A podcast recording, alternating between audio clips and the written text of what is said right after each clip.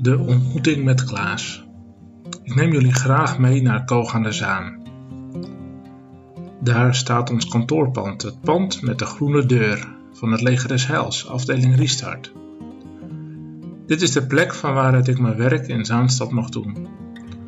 Het pand staat op de hoek van de Lage Dijk met de Bosjestraat. De Lage Dijk is een drukke doorgaande weg die loopt van Zaandam naar Zaandijk en weer terug natuurlijk.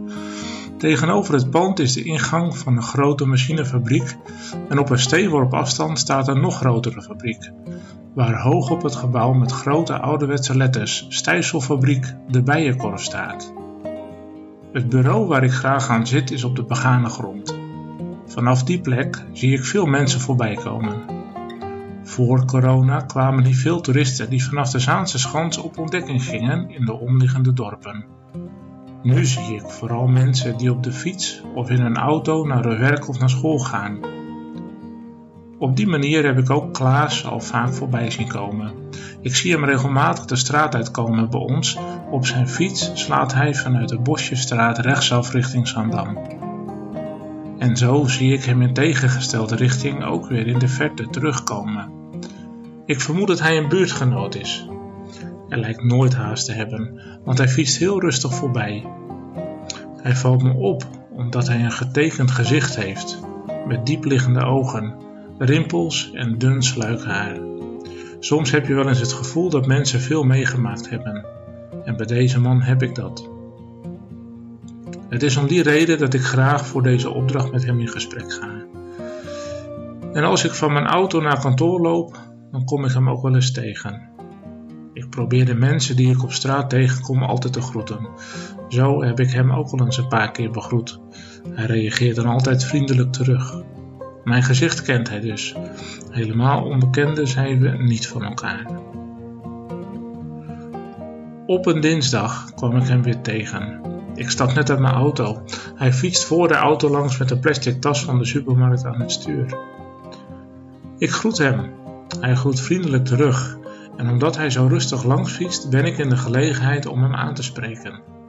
Mooi weer hè, zeg ik tegen hem om een gesprekje te beginnen.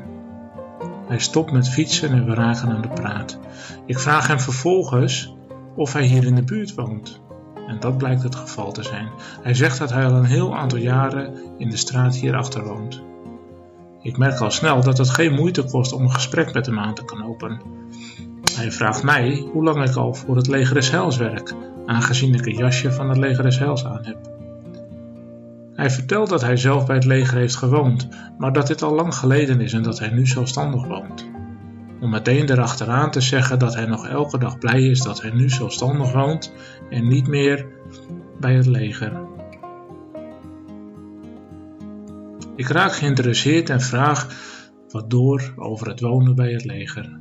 Vervolgens vraag ik hem of ik een paar persoonlijke vragen mag stellen, waarbij ik uitleg dat ik voor een training een opdracht moet doen en dat een gesprek met iemand op straat daar een onderdeel van is.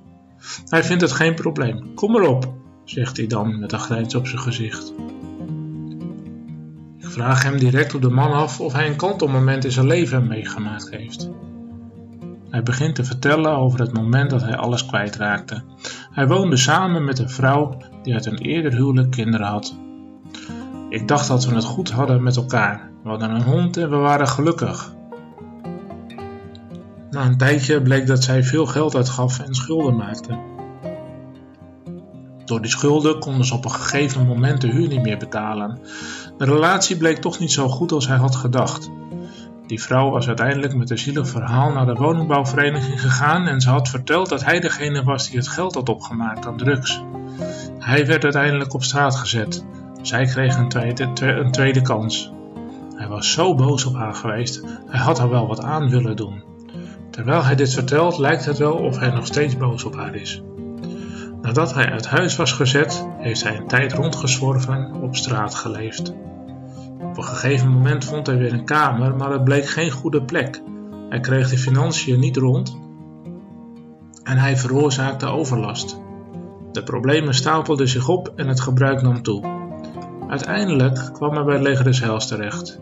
Eerst het sociaal pension, van daaruit mocht hij doorstromen naar begeleid wonen. Hij vertelt dat hij een paar jaar in het Elisabeth, het voormalig weeshuis aan de Lage Dijk hierachter heeft gewoond. Van hieruit is hij verhuisd naar de woning waar hij nu al heel wat jaren zelfstandig woont.